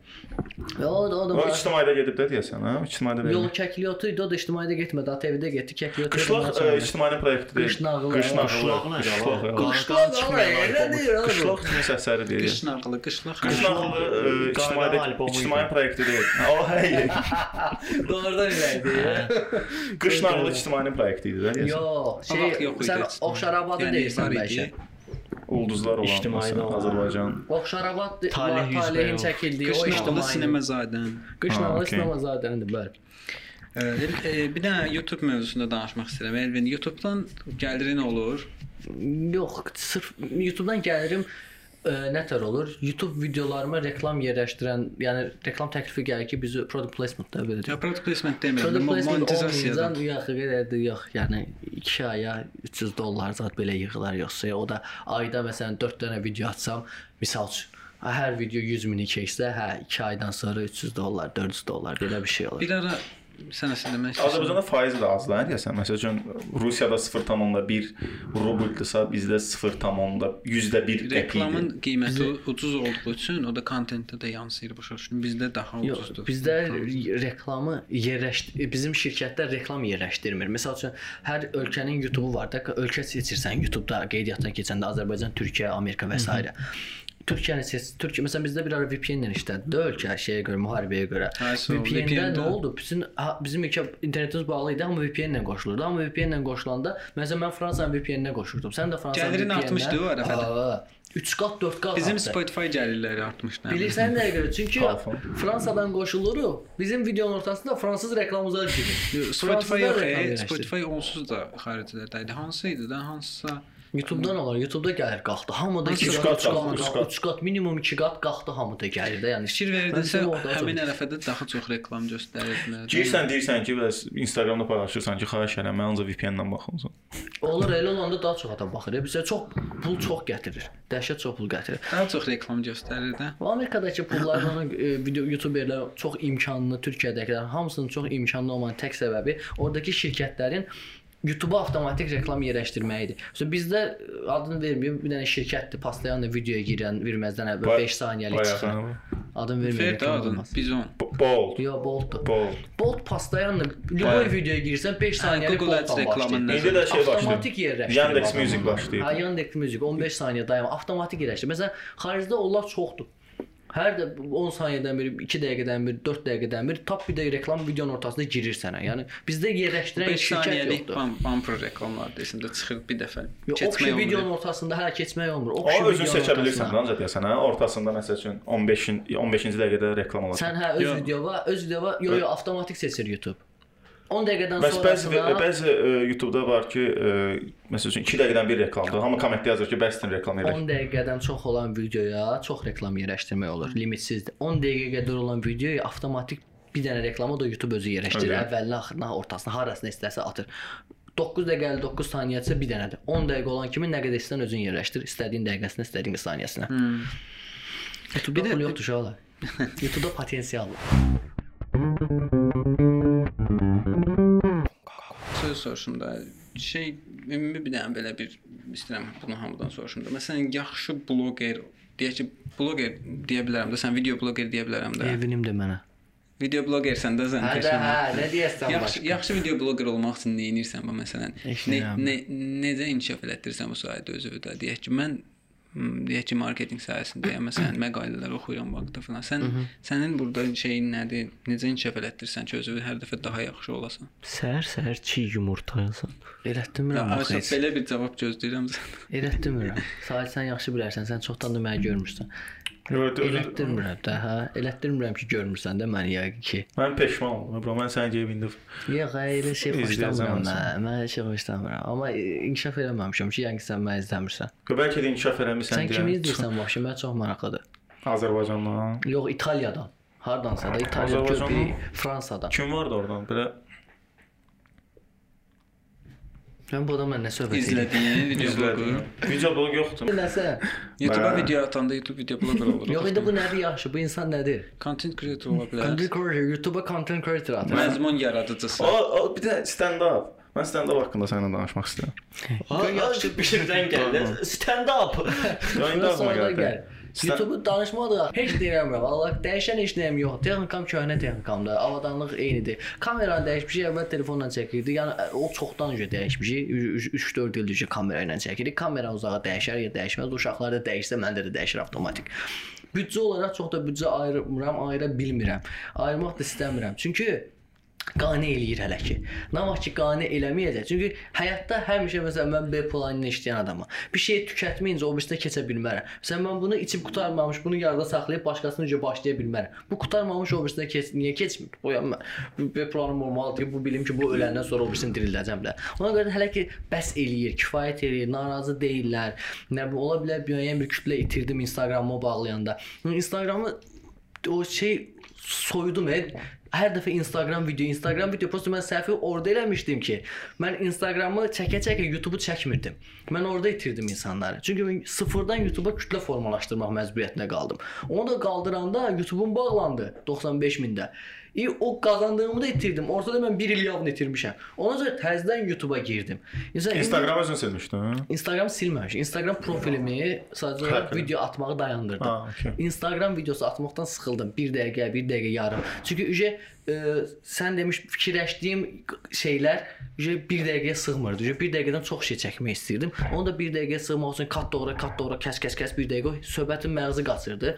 AZ TV-də o vaxtlar çox da məşhur değildi ki, yəni elə bilirdim ki, AZ TV-yə video ataram, e, uzundur deyə girib baxmazlar. Ona görə YouTube-a yönəldim. İndi yüklüksən ha şey, Instagramda. Yox, Hazır. Instagrama heç nə atmıram. Mən Instagramın başını demək olar ki, Instagrama ataram özü Ancaq keyfi oradan üçün. gəlir var da, yəni gəlir söhbəti story-də nə bilim, 300 manat. Məsələn, mənə bu yaxın, mən məsələn YouTube-a keçəndən bəri mən Instagrama da təklif gəlib. Ki, biz 38 min izləyicim. İndi sağ olsunlar, sayırlar, hörmət edirlər köhnə bir vayner olaraq. Deyirlər ki, Evin, yəqin sənin də bir kütlən var da baxan 10 min, 15 min. Biz ona story-də şey eləyək, ataq şey, bizə də reklam elə story-də. Mən prosta story-dən qaçıram. Məsələn, məni çağırırlar bir yerə, Elvin gəl burada yey, iç bunu paylaşarsan, getmirəm. Story-də gəl reklam at, atmıram. Standart özümün qabağıma qoyduğum bir məqsəd şeydir ki, bir an Azərbaycandan amma krevetka yeyirdi. İndi sushi yeyirlər. İndi hər yerdə sushi gəlir kimədə dəxilsiz bilmirəm. Yəni onu dayandırdım ki, mən video çəkmək istəyirəm. Mənə pul verin, mən gedim sizə videovuzu çəkim, reklam videovuzu çəkim. Vermirsə də vermir, özüm qazanaram hardansa. Amma istəmirəm story atım, Instagrama video çəkim. Product placement-a yönəlmək istəyirəm. Uzun metrajlarımızda təəssüfkar ki, tutmur. Çox qəribə bir kütləm var. Çox danışdım mən. Danışa bilərəm. Çox qəribə bir kütləm var. Bax, indi məsələ indi nədir? Kütlə məsələsinə geri qayıtmaq kimi olmasın ha. Həqiqətən çox qəribə insanlardılar. Yəni mən bu kütləni anlaya bilmirəm nə istəyirlər. YouTube-da 120 minlik bir kütləm var. İndi Demək çıxmasın, video atanda 120 mini keçir. Amma bu 120 min qalıq var, bilirəm. Bu insanlara mən 10 dəqiqəlik, 12 dəqiqəlik bir hekayə, bir xətt bu, bu insanın başına bu gəlir, belə olur həyatda, bununla qarşılaşır, gəlir, birləşir axırda, "A, sən demə bu buymuş." Baxmırlar. Götür o 10 dəqiqəni 2 dəqiqə, 1 dəqiqə, 1 dəqiqə hekayələr, ayrı-ayrı hekayələr, bir e, qısa Vine kimi deyək, də indi Vine deyək. Onları 10 dəqiqə ilə birləşdirib baxacaqlar. Adamlar bizə uzun metrajı izləmək istəmirlər. Hövsələləri çatmır. Ya nədir, nə bilim. e, Məndən gözləntiləri o deyir. Məsələn, çəkirəm uzun metraj, altında komment belədir. Elvin əvvəlki stilinə qayıt. Qoymurlar məni inkişaf elətdirəm. Uzun metraj çəkməyə qoymurlar məni. Deyirlər qısa çək. Qısa yaxşıdır Çünki səndə. dünya məncə çox sürətlə gedir də. Hamı ə, qısa və daha böyük informasiya almaq istəyir. Yox axı mən e, o birilərdə elə deyil, axı o birilər 1 saatlıq şey atırlar, video blogerlər. Oturub baxır onun kütləsi. Mənimkilər baxmır. Çox qəribə. Deyirlər qısa çək. 4 saat- ildir göbələ qısa çək, qısa çək. Evin qalıb inkişafdan qıraqda. Nə deməliyəm mən? 1 saatdan çox baxa bilmirlər də. 1 saat 10 10 dəqiqədən sonra üzümü gör. Son dəqiqədən çox görən çıxırlar Bizim videodan. verilişə də 10 dəqiqədən sonra baxmayacaqlar 2 onu. dəqiqə mən göstərib baxaram. Mən izləyicilərimə inanıram. Bunu əvvələ qoyarsın. İzləyicilərimə inanıram ki, verişə axıra kimi baxacaqlar. Ən uzun əslində Taleh ki, Taleh 101 dərixən çəkirdi. Yəni başqa yoxdur. Onlar sıfırdan uzunla başladılar deyə. kim? 100 qrupdur, 100 qrup. Biz 100 qrup dedik. Biz qrup. Onlar sıfırdan uzunla başladılar deyə, onların kütləsi elə formalaşdı. Və bayaq ata Varalı. Ata, oğul, uşağı böyütmək, o söhbətdir. Məndə elə başlamadı axı. Mən 7-dən başlamışam, 15-dən başlamışam. Ona görə o odur məndə. O proqramda var idi. Vine, proqramı var idi bir Hə, vaxt. 7 saniyə 7 idi. saat var idi orada. Oradan yığmışdın kütləsi, hə? Yox, orada demək olar yox. Orada atdığım şeylər ancaq qrup uşaqları baxır. Orada nə qədər məşhur olan simalar vardı. Hamısı Yoxa çıxdı. Doğrudur. Niyə Aykut Elmas hələ də sağdır? Kim? Yox, Azərbaycandan. Hə, Azərbaycanda onlar özləri buraxdılar. E. Onlar çəkmədilər. Onlar tamamilə bilmirəm niyə başım baş. Biri məsələn mən tanıdıqlarımdan oğlan Tural var, məsəl üçün İsveçrədə səhv eləmirəmsə, sağ olsun mən də izləyir. Məsələn mən oğlanı izləyirdim. Başda adam bilmirəm, elmlərdə hər dəfə arada bir görürdüm oğlan adı yadımdan çıxıb. Düz o məni tanım, Ülvi, o məni tanımasa da. Yəni görürdüm orada onlar. Onlar çəkmək istəmədilər, həvəsdən düşdülər, qarşılığını görmədilər. Nə bilim bəlkə o vaxt onlara reklam gəlsəydi, onlar həvəslənərdilər. Bir işdə pul olmayınca o iş pul, yəni o getməz axıra kimi. Siz bu işdən pul qazanmasanız başın buraxasınız. 20-ci bölümdə. verilişdə ücə siz bu verilişdən pul qazanmasanız, ücə deməyəsiniz ki, gəlin çəkək. Deyəsiniz niyə çəkək tay? Yox, Elvin, Çağırdıq, mən, dedik, mənim gəlirim danışdıq. bu verilişə bağlı deyil axı. Bildim ya, bəs onların məqsəd giriş başlanğıc səbəbi nədir? Məsələn, Mənim baş, mənim verilişim mən Sənin səbəbi işin deyil. var çünki hal-hazırda. Onun işi yoxdur. O 7 saat 11-ci sinifdə oxuyan bir dənə uşaqdır. Tapatara video çəkir və çox məşhurdur, çox partladı. Sonra girdi instituta. İnstituta gedə-gedə Mən niyə video çəksin? yəni Deyir ki, mən institut oxuyacağam da. İnstitut oxuduq, institutu bitirənə qədər məncə mən institutu bitirənə qədər işləməmişəm və ancaq həvəskar layihələrlə məşğulam. Həvəskar da yox, hətta professional layihəm də olub, heç 5 qəpik də qazanmamışam. Mən Yəni bu, bu sadəcə həvəsdən asılıdır. Mən Ola oradan bilər. pul qazanmağa heç Hə, amma həvəs üçün pul lazımdır axı. Pul, Pul, pulun əvəzində bir də başqa şey qazanırsan. Yeni insanlar qazanırsan, network qazanırsan. Bilmirsən kimsə yeni insan. Mən xoşlamıram yeni insan qazanmağı misal üçün. Xoşum gəlmir yeni insan tanımaqdan. Bax elə o mövzuya girəcəm bir dənə. Deməli bir dəfə demisən ki, bir müsahibə oxuduq, demisən ki, film Mən müsahibə sektoru verirəm aynı hat. Mən Vermisən kimə, də? mən nəyə? Mən Araşdırmışam harda desən. müsahibə 2018 verirəm? 2018 idi də deyəsən. Bir dəfə müsahibə vermişəm. müsahibə- İkisi də eyni şeydən yapışıb və ya da bir nəfər kimsə məndən müsahibə alır. Məhəmməd Düşmən deyildi müharif müsahibəni alır. Yox, bir dənə xanım idi deyəsən. Allah Allah. Sən Bir dənə Google-da yaz, nə yap? Yaz Elvin İbrahim var. Sahib. Buyurun. Yəni ki mən özümü desəm mən məsələn nə Baltıdan, nə Halfdan, nə də ki bucaqdan heç birindən pul qazanmaq elə olmayıbdı və orada məqsəd həm də network olub, portfolio olub da. İndiki işlərimi də məsələn indi işlədiyim yerdə ona borcluyam. həmişə soruşurlar Evin Baltan sən səsləndirirdin. Ayda hər dəfə O mövzuya məndən da çən- səslən. Qaynarsa. Aynen. Bir də onu deyim ki, prosta orada bildirmisən ki, bəs film sektoru e, belə deyim də, yəni Saxta. saxtalıq. Yadıma düşdü. Hə, Hə, saxtalıq tələb. Və mən də girsəm ora mən də saxtalaşacağam. Onu da demişdim. Niyə? Demişdim də onu. Hə, elə demisən, Hə, elə demişəm. Elədir. Nə, nə mənadadır o? Yəni aça bilərsən, hə? İş həyatı deyək də, iş tələb elədiyi şey odur. Çünki hamının işi bir-birindən keçir orada. Yəni sən e, orada ümumiyyətlə belə bir şey var film sektoru. Mən çox içində olmamışam. Ona görə çox danışmaq istəmirəm bu haqqda, amma içində olduğum müddəti deyim də sənə belə qısa bir şey. Bir yekəxana görsənmək istəmirəm 3 dənə kino var. Orada e, məsələn məni tanımayan adam, mən bir video bloqeram. Sən bir rejissor olaraq məni tanımırsansa, sənə bir ssenari gəlir və orada məsəl üçün askili bir tipaj var və sən məni tanımırsansa, mən varam ölkədə video bloqer olaraq partladıramsa, sən mənə yerimə başqa bir adam çağırıb onu açıq taxıb onu oynadassan. Ya da öz tanışıma deyir. Məsələn, o sən məni tanıyırsan deyə, sənə deyirsən ki, Elvin, e, bir dənə rol var. Aa, Elvin əsl buna uyğundur. Askili tipajda həmişə də elə videolar çəkir. Bu bu tanışlıq var ha. Bu tanışlığı saxlamaq üçün istər-istəməz hamı bir-birinə saxtalaşır. Variantın yoxdur. Hamı ilə arağı yaxşı saxlamalısan. Pastayan bir-birinin arxasında danışan milyon dənə adam tanıyıram. Yəni dayanmadan danışırlar bir-birinin arxasında. Amma bir-birlərinin üzlərinə görəndə həmişə danışırlar, deyirlər, gülürlər. O, o, mən məsəl üçün onlarla çox da şey olmuram da, içli dışlı olmuram. Yaxınlaşıb çox söhbət edirəm, çox yaxınlıq qurmuram. O demək deyil ki, mən onlarla saxtalaşma, saxta davranmaq istəmirəm. Düzdür, mənə ki ziyanları olmuyor ki, onlara saxta davranım. Prosta o o ki o 10 illik, 15 illik bu kino sektorunda olan insanlar var. Onlarda mən onu hiss eləmişəm ki, yəni onlar pastanın bir-birlərinə aranı yaxşı saxlamaq istəyirlər ki, işlər getsin. Sadəcə iş, biznes. Bu networkdur da, yox, yəni Hətta İş həyatı. Va iş həyatı. Nə əslində saxlamalısan, o əlaqəni saxlamasan, sənlə mənim aram dəysə, sən nə qədər realistik insan ol, dastoyun oğlan ol, səni çox istəyirəm, əlaqəni olmasan, sən səmimi saxlamaq olmaz, hə? aparamayasan, e, sən ümumiyyətlə orada aparmaq olmur, e. Çox qəribə, çox pis yer. Gəlməyin ora. Çox pis, yer, qəribə bir mühitdə, çox qəşəng, maraqlı mühitdir. İnsanlar qəribədir. Sən gördüyün tip deyil. Məsələn mən Nəyə görə mən çox həvəsliyəm? Mən xoşlayıram kino set getməyi. Düzdür, çox az, amma bir ara çox getdim deyə çox xoşuma gəldi. Oradakı aura fərqlidir. Belə normal deyil. Normal heç kəs sənin dostun deyil də orada da. Hamı iş üçün bir-birinə durub özə bilirlər ki, səndən bir ay maksimum bir yerdədirlər də. Yəni e, normalda da işləmək də elədir. Əslində başqa işlərdə də elədir də. Bir smen yoldaşın olur, onunla dalaşası deyirsən ki, çünki sabah bir gün ondan xahiş eləyəsən ki, mən tez çıxmalıyam, sən gəl mənim yerimə. Eyni onun kimi fikirləş ki, sən arağı hamı ilə yaxşı saxlamalısan. Çünki hamının hər an nəsə proyekti ola bilər. Hmm. Və o proyektdə səni dəvət eləyə bilər, aran yaxşıdırsa. Yoxsa belə eləyə bilər, məsəl üçün Ayaqşanı bəyənmirəm, onu gətir. Falan səndən məsləhət məsləhətləşəcəklər polibomu. Sən soruşarsan, sən mənim partnyorum kimdir rolda? Falan kəsdir. Onunla mənim aram o deyil, gətirim. Amma aran normal olsa sırazı ya da ə, o sənə həmişə yaxşı davransa, deyəsən ki, onunla aram zor deyil, gətir onunla partladacağıq biz bir yerdə. Bu belə bir mühitdir. Özün seçə bilirsən deyə gərək əlaqəni yaxşı saxlamaq. Çünki səni seçirlər, ya sən kimisə seçirsən. Ona görə də gərək əlaqələrin yaxşı olsun. Ana sevirsən də seti. Nə? Seti sevirsən. Sevirəm mən. Saxta insan xoşlayıram mən.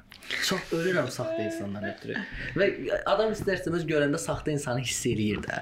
Məsələn mən onu çox xoşlayıram. Saxta insan görə çox xoş. Bilirəm ki, yalandan eləyir.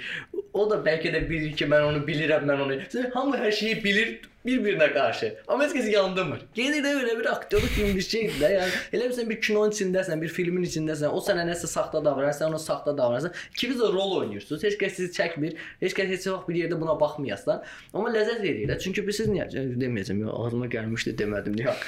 demədim, hamı başa düşdü görəsən nə dedim, yox, nəsə demədim. Bilirsiniz niyə? Demədim. demədim, demədim. Çünki bilirsiniz niyə? Demədim. söndürək. Bunu komentə buraxaq, kommentə sizə burada Elvin nə deyəcək? Baltada paylaşacaq. təzə baltada. Təzə baltada yoxam, köhnə baltada var idim. Təzə çıxan da təzə Yox, 10-cu bölümdə Elvin yoxdur. Yox, mən heç bilmədim mən. Elvin- 10-cu bölümün çıx- çıxacağını mən Erkindən öyrəndim. Dedilər ki, dedi final çəkəcək dedilər. Final bölümü. Mən də dedim, hə, final yaxşı. Bitirik. Çağırır, dedim, yox, mən çağırmır. Çağırmamışıq. bəyənmirlər. Mənə çağır. Yox, onlar çağırmayıblar. Olsa çağırsaydı da yox deyəcəkdim. Sağ olsun ki, çağırmayıblar. Texniki problemlər səsimdə. Texniki problemlər və səsimi bəyənmirəm ona görə. Mağazinə girməyək. Mağazin haqqında danışmaq istəmirəm. Amma Balkan məndən həmişə soruşurlar ki, uğurlu bir layihə olduğu üçün, yəni ki, soruşurlar. Sadəcə olaraq bilmirlər siz eləyirsiniz onu. Mən ən çox biraz içimdə məni yandıran siz tərəfdən ki, sizi bilmirlər ki, onu siz eləyirsiniz. Yəni onun yazanı kimdir, təşkilatçısı kimdir, bunu çəkən kimdir, bunu bilən yoxdur. O mənə tox məndən soruşurlar, evi nə vaxt çıxacaq balta? O vaxt şey olanı daha çox soruşurlar. Nə vaxt çıxacaq balta? Mən nə bilim nə vaxt çıxacaq. Mən gedirəm səsimi yazıb çıxıram çölə. Mən nə bilim kim yazır Elvin? Mən yazmıram, uşaqlar yazır, o birlər, bu birlər. Bir dəfə adını çəkirəm. Bir Mən dəfə nə bilim. bundan bağlı Elvinlə yolda gedirik. Mən, Drəvan, Elvin falan belə baltanın uşaqlarıyıq. Bir də Elvindir. Yolda uşaqlar çıxdı qabağımıza. Aa Elvin, Elvin şəkil. Ee, Biz də belə durmuşuq qıraqda. Elvin qayıtdı uşaqlar bu bəs baltaya baxırsınız. Ha, baxırıq baltaya. E, baltanın yaradıcıları bəs uşaqlar onlardır falan. Uşaqlar belə, hə, yaxşı, gəlsinlər də şəkil çək. Məndən, məndən niyə şəkil çəkdirəsən? Mən baltadan Baltanın ilk bölümünü bəs Əmrahla qalmışdıq. O Əmrah bu arada Baltanın e, art direktoru. Adını deyə bilsinlər, da tansınlar. yadımdan çıxmışdı, yaş. Hə. Nə saç uzun saqqalım. səhərə qədər ofisdə işləyirdi o, mən də Məsələn. Oradayam falan. Səhər gəldik kafedə, bəs bölümü paylaşıb Rəvan yığdı ki, bizə paylaşdım da. Biz də yorğunuq. Durduq ki, çıxaq gedək. Yolla gedən yerdə 2 nəfər gəlirdi. Bir şey eləyirdilər ki, "O balta çıxıb baxmısanız ha?" Həyatımın ən xoşbəxt günlərindən biri idi o ya. Gördülər ki, amma tanımadılar. Sən Tam düz keçdilər, getdilər belə. Nətər hiss elədin həmin an öncə? Sən eləmisən, amma səni bilmirlər sən eləmisən. Qəribə hissdir əslində. Məs- Məncə biz o gün bunu söhbət edirdik. Azərbaycandakı məşhurların çoxusu belədir. Məşhursan, amma eyni zamanda da tanınmırsan. Yox, sən o sizi konkret tanımırlar. Üz üzdə deyilsiniz çünki. Hə, Çəkdiyiniz animasiya, yəni nətər mən partlayaram nə şəxsən, hamıya nətərsə bildirmək Əslində istəyirəm. işlərin- Müsahibələrə çıxmaq istəyirəm. Necəsə bir üzümü göstərmək. Arada nə titrlarda sifətlərimiz gəlir. Əslində Elvin- eləmək lazımdır. Bilsənicə, mənə daha çox maraqlı olar ki, yəni bilmirəm, hələ ki mən belə şeylə dadını bilmirəm necədir. Belə səni çox insanın tanımaqda, cəmiyyət cəmiyyətə açılmaq, sən çox insan tanıyırsan. Məsələn, 100 minlərlə insan səni tanıyırsa, bunu bilmirəm dadı nədir. Dadmamışam. Bilmirəm. deyil. Hə. Və amma mən düşünürəm ki, yəni səni tanıyan insanlar e, elə əgər yəni hamını tanımaq o qədər üstünlük deyil də müəyyən kəsim bilsə, Pis deyil. maraqlanıb tapsa, Məncə hamı səndən nəsə istəyir. Onun da istər-istəməz yararı olur da. Yəni sənin portfolionda belə bir layihə varsa, Hətta lazım olan adamlar tanısa bəsdir deyirsən. mən elə bir şey. Amma yox, sənə kütlə xoşuna gələr. Ümumiyyətlə hamının kütlə xoş, hamının tanınmaq xoşuna gələr. istədim. Dedim o deyil. 100 min dedi, 100 min çoxdur. 100 Çox. Səncə sən 100 min adam Bir vaxtdan tanımırsan? sonra sıxılırsan. Elvini, Səni- Elvini 100 min tanıyır. Çox tanıyır bəlkə mən. Çox da ola bilər. Çox tanıyıram mən 100 minə. Mənim Instagramda 360 min izləyicim var idi. Hı. Çox tanıyır. Mövzu o deyil, az tanıyır, çox tanıyır. Prosta bir vaxtdan sonra sıxılırsan da. Şeydən sıxılmırsan, e, məsələn, sıxılmaq sən nə mənada sıxılırsan? Diqqət Hələ vaxt olur ki, məsəl üçün əsəbisən yolla gedirsən də, qanın qaradır da. ə, Biri gəlir yaxına, istəmirsən də heç həmin vaxt kimsəyə. İminoy həmin vaxtda. Bir yaxınlarda maşını vurmuşam, lətfəs siz olsun. Deməli, çox qəribə situasiyadır bax. Həmin vaxt tanımam məsəl üçün istəməzdim. Yolla gedib bir nəfər sıxışdırdı məni, maşını vurdum, getdim dəydim bir dənə maşına, yolun qırağına dayanan maşına dəymişəm. O biri maşın sürdü getdi. Düşmüşəm maşına, indi qanım qaradır, maşını vurmuşam, o birisinin təkəri partlayıb, mənim kimi buferi düşüb zırt pırt. Ha bir dənə qaqaş yaxınlaşır oradan. İndi bu indi deyir mən köməyə dadı əsəbiyəm, qanım qaradı durmuşam belə papama nə deyirəm mən? Vuranıram öləcək. Qaqaş yaxınlaşdı ki, sən o video çəkənəm qaqaş sənə. Deyirəm hə mənə. Hayda. Əsəbiyəm baş. Hə bundan qəşəng tema çıxar hə. Hə? nə tema? Hə, bizə nə qədər xərci var bunun? 500-600 manat girdi mən orada. Nə tema çıxardım mən bunu? Əsəbi vaxtımda bunu da çəkərsən yəqin ki. Ya o tema veriləsi şey deyil, reaksiya deyil axı qaqaş evi yoxdur, düzəldərsən. Oğlan tanımadı Tanıdı deyilə dedi. Yo vuram. Sən kimin maşını Yox, vurdun? o, o maşın dayanmışdı parkovkada, parkovkada dayanan maşını vurduq. Yiyəsini də gözlədik gəlmədi, bizə sürdük getdik papamı. Oho. Əzarba de. nömrə yazdıq qoyduq. Papam dedi çıxaq gedək. Mən dedim yox, yoxsa nömrə qoyaq. Sonra gedək. O itirdi. Papamın iş yoldaşı çıxdı əmrədən. Oradan. Ta- Tanışı çıxdı, sevə-sevə tanıdı. Ya nömrə qoydu, zarafat elə. Papam təkəri zadı. Zəng vurdu sonra ki. Zəng vurdu. Yaxşı ki nömrə qoymuşuq. Əslində ya qaçıb getmək nə qazandırır? Söyüş yiyəsi və s. Söyüş yiyəsində əlavə bir insanın vicdanı var da. Cəmaatın maşınını vurub niyə gedirsən? Amma indi nə oldu? Qaqaş dedi ki, "Ay nə yaxşı gedir, laflar var ki, vurub gedərlər, heç deməzlər." İn- İnsan insan olduğunu hiss edir həmin vaxt kimsə nəsə deyəndə sən o Bir şey deyəcəm. Ailən necə reaksiya verdi sən məşhur Mənim olanda? ailəm yoxdur hal-hazırda. Hə yaxşı. Məşhur olanda ya patlatdın videoları falan, ya uşaqlıqdan belə bir xəyalın Mən yox idi də. Mən bilirəm ki, mən ailəm- dağıdacağam, ya pa- ailəm- patladacağam, Bir dəqiqə. dinləyəcəm. Mənim ailəm hal-hazırda inanmır ki, mən bu sektordan pul qazanıram. Qətiyyən inanmırlar. Ya ha. mən maraqlıqda gəldin Heç ki, qəbul papa, bilmirlər. mən bəs videolarım. Biz ümumiyyətlə ailəlikcə internet mühəndisi bir ailəyik, rabitə sektorunda, bütün əmilərim də və s. qardaşım, mən özüm də o sahənin magistr, bakalavr hamısını qurtarmışam. E, irsi bir şeydir rabitəçi. Hər dəfə papam bir dəfə məni evdə, iki dəfə evdə, üç dəfə evdə görəndə, yəni video çəkmirəm də, evdəyəm, uzanmışam, istirahət eləməyə, növbəti videonu fikirləşirəm. Gəlir deyir ki, evi iş lazımsa təşkil et. Niyə də 3 gün evdə oturdum dəyişdizəm mən? Məsələn, evə hər ay evə verdiyim bir pul var. O pulu bir gün, iki gün gecikdirəndə nə oldu? Batdın sən. Gözlə də gətirəcəm də, bir sabah gətirəcəm də. Hər dəfə bir yoxlama, hər dəfə bir sıxışdırmağa çalışma.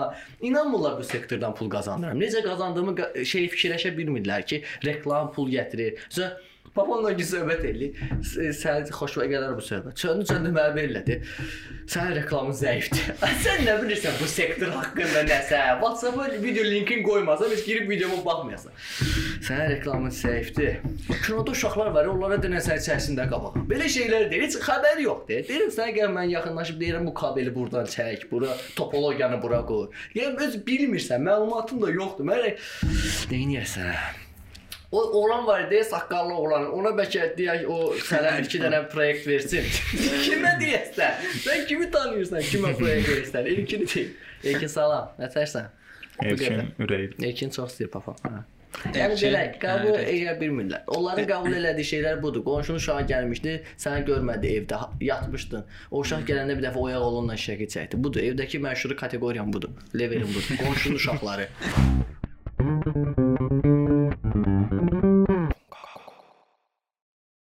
prodüserlik kimi fikrin var, kimisə hansısa istedad olan bir insanlar, yəni. Mən ömrümcə prodüser olmaq istəyirəm son vaxtlar.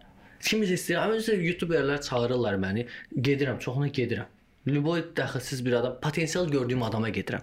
Əziyyət çəkməyə, çəkə çəkmək istəyəni gördüyüm adama gedirəm. Yoxsa görürəm ki, oturub bir dənə kameranın qabağında əyri heç bir şey eləməyib, elvimdən nətər qalxaram. Sırf məşhur olmaq üçün eləyir də. YouTube-a həvəsi yoxdur bu insanın. Sırf məşhurluqdur və ya öz işini göstərmək üçün eləmir. Onu görsəm ki, kimsə nəsə eləyə bilir, gedirəm onların videolarına çəkirəm ya götürüb paylaşıram bəyəndiyimiz. Biz həmişə link atanda məsəl üçün Nihata deyirəm at baxım görüm qəşəngdirsə dəstək olursa elə belə sadə bir şey çəkib, yəni əziyyət çəkməyib onu eləməkdə. Sonra da mənə yazır "Ey, bu əziyyət çəkmiş gör nətərdir. Çəkməmisən əziyyət. Əziyyət elə olmur. Birinci nə olsun birinci video. O əziyyət başqa cürədir. 2 dənə işıq, 4 dənə mikrofon, nə bilim, su, fanta, məkan, nauşnik, əziyyət budur. Bunu axtarıb tapmaq da 3 kamera, 4 kamera, bu səs avadanları. O fərqli bir şeydir. Çox sağ ol Elvin. Dəyər gəlmişsən. Xoşdur. Nə vaxt səs hazıram. Baltadan başqa hər şey var. Elə Niyə buna? Yaxşı baxışda var. Də də də niyə nə məsələdir? Hə, üçün buyur söhbət sən. get nə? Mən özün açmaq istəyirsən, açmıyorsun da belə məncə Yazmaq istəmirəm. Ha, okey, yaxşı. sağ ol. bir ya, şey deyil, okey. hə. Yəni yenə də Baltaya da verdiyin dəstəyə görə çox sağ ol. Mən bilirəm ki, xoşdur. Mən baltaya da Yəni, insanlar bilmir bəlkə də amma Elvin də təmənnasız çox dəstək oldu və çox adam Elvindən başqa da çox adam dəstək oldu. Bunu inşallah o bölümün sonunda Bizə növbəti balta çıxandan sonra yəqin ki Rəvan gələcək də. Hə, inşallah Rəvan. Rəvana buradan salamlar, Əmraha buradan salamlar. Ki görüşüb digər yüz. Nizata salam. Nicat, Nicata sağ ol. Gülməmməd Nicat var. var indi baltada. Manafov. Manafov. Vüsal Seymur animatorlarımız. Halfa da bir dəfə çağırdım, gəlmədilər. Kıslati. Hara? Öz proqram şeyimə çağırmışdım. Hə, Talk show eləmək istəyim, ora gəlmədilər. Halfa indiyə qədər harasa gedən görmüsən. Bildim, nə Bir dəxli var. vermiş, e? Məni harasa YouTube kanalında görmüsən, hal xətir söhbəti vardı ala. Nə əziyyətli şeydi. Aynaband sağ olsun, çağırdım, gəldilər. Aynaband. Kart da olur, nə? Alfa heç bura çıxmır da yəni. Çıxmır, neyniyim, çıxmır. e? Yəni ya istəmirlər də çıxmır, Müsabaqə desə ki, istəmirəm, çıxmıram. Özündən şeydir, uşaqların vaxtı yoxdur. E, Heç şey yoxdur. Yox, e, e, Bunu Aynabanda salam var. Aynaband. Belə heç də. Yox, prosta mənə şey, yəni incidən belə şey belə olduğuna görə. Təbii ki, inci mən mən mən kiməsə nəsə eləmişəmsə, öz təbii ki, təmənnasız eləmişəm və səndən hər şey qarşılıq gözləmirəm sən. Amma dar momentimdə səndən kömək istəmişəmsə, gəl elə. sən Eləməyəsənsə, axı sən halfa, sən halfa necə eləmsən? nə bilim videolarımı paylaşmışam misal üçün. Onlar da paylaş. Həmişə dəstək olma. Mənim videomu paylaşıblar. Paylaşsınlar da. Onlara ehtiyacı olan tək şey videoların paylaşılmağı idi onsuz da həmin dövrdə. Uşaqlar biraz o şeyə çox fikir verirlər. E, özləri ümumiyyətlə görünmədilər. Biz bir dənə son klipdə neçə ildir half, işte, yəni mövzudur, amma bir dənə bir dənə klip çıxır. Half neçə ildir mövzu deyil. Bu yalan Neçə söhbətdir. il Bunu deyil, yayır? bilmirsən axı mən bilirəm. 3 il var da, ücü 4-cü ildə. Mövzu deyirlər. Mövcuddur Hə, deyirəm. mövzudurlar eşitdim. Mən deyirəm mövzu Vəbşə deyirlər. mövzu deyirlər nə deməkdir yəni? Yəni trend deyirlər. Şoğlan sevmiş baba. Alfın Alfın 1 milyon yarımlıq musiqisi, dinlənən musiqisi var da. Sən Trend deyirlər. trend deyil, mövzudur amma. Mövzu da deyir məncə. Yəni nə bilim. Sən mövzu nəyə deyirsən? Yəni Azərbaycanda bir dənə rock bir qrupu, ikinci bir rock Aynaband. qrupu. Yox, e, bu səviyyədə bu maşın. Aynaband. Deyil, ben. Hansı səviyyədən söhbət edir? Mən Aynabandı çox Elvin, bəyənirəm. mö- Aynaband mövzudur. Hər yerdə mövzu Aynaband. Aynabandı tanımayan adam Mən yoxdur ölkədə. tanımıram. Yəni Mən də tanımıram. Mən Yazar. tanıyıram. Sorry, Sən amma- tanıyırsan? Aynabəndə yəni Aynaband. dinləməmişəm. Buna görə üzr istəyirəm musiqisi. Aynaband- Amma yəni tanımıram da, ben demirəm ki, pisdilər. Amma sən Mən deyirsən dedim, half pisdilər. mövzu deyil. Sən Mən deməndə dedim half half pisdir. Niyə belə mən Yox, sözləri e, yansıdırlar? qardaş, Mən dedim, sən pis sən deyil. demirəm ki, sən dedin half. Sən niyə aqressivləşdin? Mən deyirəm, mövzu deyil. Mövzu deyil deməyin nəyi nəzərdə tutursan? Yəni Deyir ki, mə məşhur deyirlər. Çox məşhur bir şey Aynaband deyirlər. məşhurdur amma. Dinlənmə saylarını cəbdən. Statistik şeylərə yanaşmayın. Kütləni soruşun. Necə yanaşmayım ay statistik Bəs nəyə görə ölçək? Nəyə görə ölçək? var. Ya deyən ayı. Halkın Kino belə ölçmür Milyonluq video sahibi, onda deyir halk məndən məşhur imiş ki, mənim heç milyonluq videom yoxdur. Yox, halkın bir dənə Murat səhv Halfın. var, o da Elvinin musiqisi. verilişinə çıxmama. Bildim, mən- Çıxsa mən half məşhur olacaq. Yox, e, half ad olaraq, qrup adı olaraq deyirəm. Uşaqları nəzərdə Teymuru, Nicatı, Cahidi nəzərdə tutmuram, e. mən demədim, mən deyirəm mövzu deyirlər. Mövzu. Amma e, düzgün Mənə görə deyirlər, qardaş. Yaxşı, E, sənə görə mövzudur. axı bu. Sən sən deyirsən Mənə ki, görə deyirlər. Mən səni Aynabəndi tanımırsan. Aynabənd sənə görə tanınmamış bir qrupdur. Mənə görə Aynabənd tanınmış sən bir sən qrupdur. elə bir ki, halfın məşhurluğunu danırsan prosta. Mövzu məncə məşhur deyillər o qədər də. Abardacaq qədər də məşhur bir deyillər. yəni Aynabəndlə müqayisə eləməsən axı. Fərqi nədir ki, deyirlər də məşhur deyillər. Half, half. Azərbaycanın hazırda ən məşhur rock musiqi qrupudur. Mən inanmıram bu söhbətə. İnanmağımla deyil, fakt Məncə var. deyil. Hansı fakt var? E, statistik bir ortam var Azərbaycan ən Bir dənə məşhur rock musiqi qrupu. rock qrupunu Azərbaycan dilində ifa edən və Azərbaycanlı 1 milyon yarım musiqi dinlənməsi var YouTube-da. Kimdir? Aynə bənd.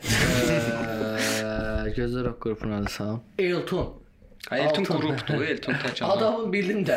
Eltonun heç 1 milyon dinlənməsi 100 min maksimum. Franklin qrup nə bilim nəsə var da yəni. Var var taparam mən onu sənə. Qara Dərviş rock sayılır. Qara Dərviş ola bilər deyək ki. Tamam, vəsə var indi. Qara Dərviş rock qrupudur. Bildim də insandır da rock sahəsindədir də bu adam da. Heç mən rock qrupu Niyə deyirəm. qrup olaraq adlandırırsan ki? Bunu sahədən söhbət gedir də. Özü deyir bir dənə deyirən ikisini sayıram bir. Ay o qardaş, İndi sən də. söhbət getmir. Niyə qrup eləyirsən ki? konkret dedim, rock qrupu. Niyə qrup olma olaraq bir spesifik bir kateqoriyaya bölürsən Çünki onu? qrup olmaq olaraq çətindir. əlbəttə çətindir. Adamlar onsuz da mahnı oxuyanda arxasında bir gitaristi olur, bir bateristi olur, tək gedib oxumur ki hardasa. O da qrup halında gəlib çıxış eləyir də hardasa. Hansı bir dənə adam Amma o gitaristin, bateristin çıxan mahnıda bir söz sahibi olmurlar da. Qrupda amma olur. Qrup olaraq e, daha pisdir. Amma daha- bir adam 4 dənə adamın işini görürmüş. Hala qrupda 4 adam bir 4 dənə hərsə bir iş görür. Qrup olmaq daha asan. Cəbəl eləyək də şəxsi şəxsi münasibətini qatmadan, şəxsi Tamam münasibətini şəxsi qatmadan. münasibət deyirəm amma hafı tanım şeydir, əlaqəm yoxdur onsuz onlarla bu saatda. Tanımıram deyəcəkdim vallahi. Adamlar ya əlaqəm Yox, yoxdur. e, sən qədər. proyektivə gəlməyiblər deyəsən onlardan yoxdur. və ona görə məncə belə düşünürsən. Mən hafı görmürəm uzun müddətdə. O mahnı çıxartdılar, hə, getdim. Mən heç o mahnıya baxmadım şəxsən. Mən heç fərqi yoxdur. Ya adamları mən görmürəm ortada. Baxmamışam o mahnıya. Mən hafı ey gözəldə bir dəfə qulaq asdım, ondan sonra da qulaq asmıram. Ey gözəl iki dənə bilirsənsə deməli var da mövzudular da. 12 dənə mahnı var. Mən bir dənə mahnısını görmüşəm. Mənim də 20 dənə videom var bir ayda. Baxmısan? Bax, bayaq dediyim mövzudur. Sən baxmırsan deyə mövzu deyirlər deyə bilməzsən. Elə demədim ki, mənə görə deyirəm mövzu deyirlər. Başda elə Mənə deməmişdin də. Hə, başda elə deməmişdim. Dedim mövzu deyirlər. Sonra dedim ki, görüm şey eləyir. Dedim, hə, onda mənə görə mövzu deyirmişlər. Sənə görə mövzu çünki sənin qrupundur.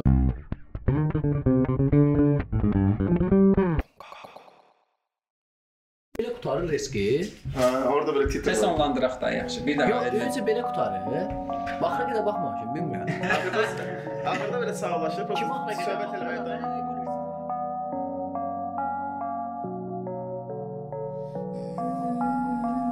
Varsa uf Maşım varsa uf. Kızlar burada uf Gece Bakü uf. Pulum varsa uf Maşım varsa uf. Kızlar burada uf Gece Bakü uf. Ey diya Bu çok mezel diya Burada çıktı her bir yan Bütün kabuslar rüya Rüşvet kor memur Her şeyden memnun اما مني سبه مني رؤيا منبور Ölüdü mənə deyə dərədə həlüdü mənə dərin yetər dindi də zirvədə hədəfim vətəndən qəbrəm Başa belədən əsələ bu qayfə vəzin sədə bilmir səzimə də sifət sifətlərin Sanki rəsmi səri Sanki rəsmi səri İstə istərsin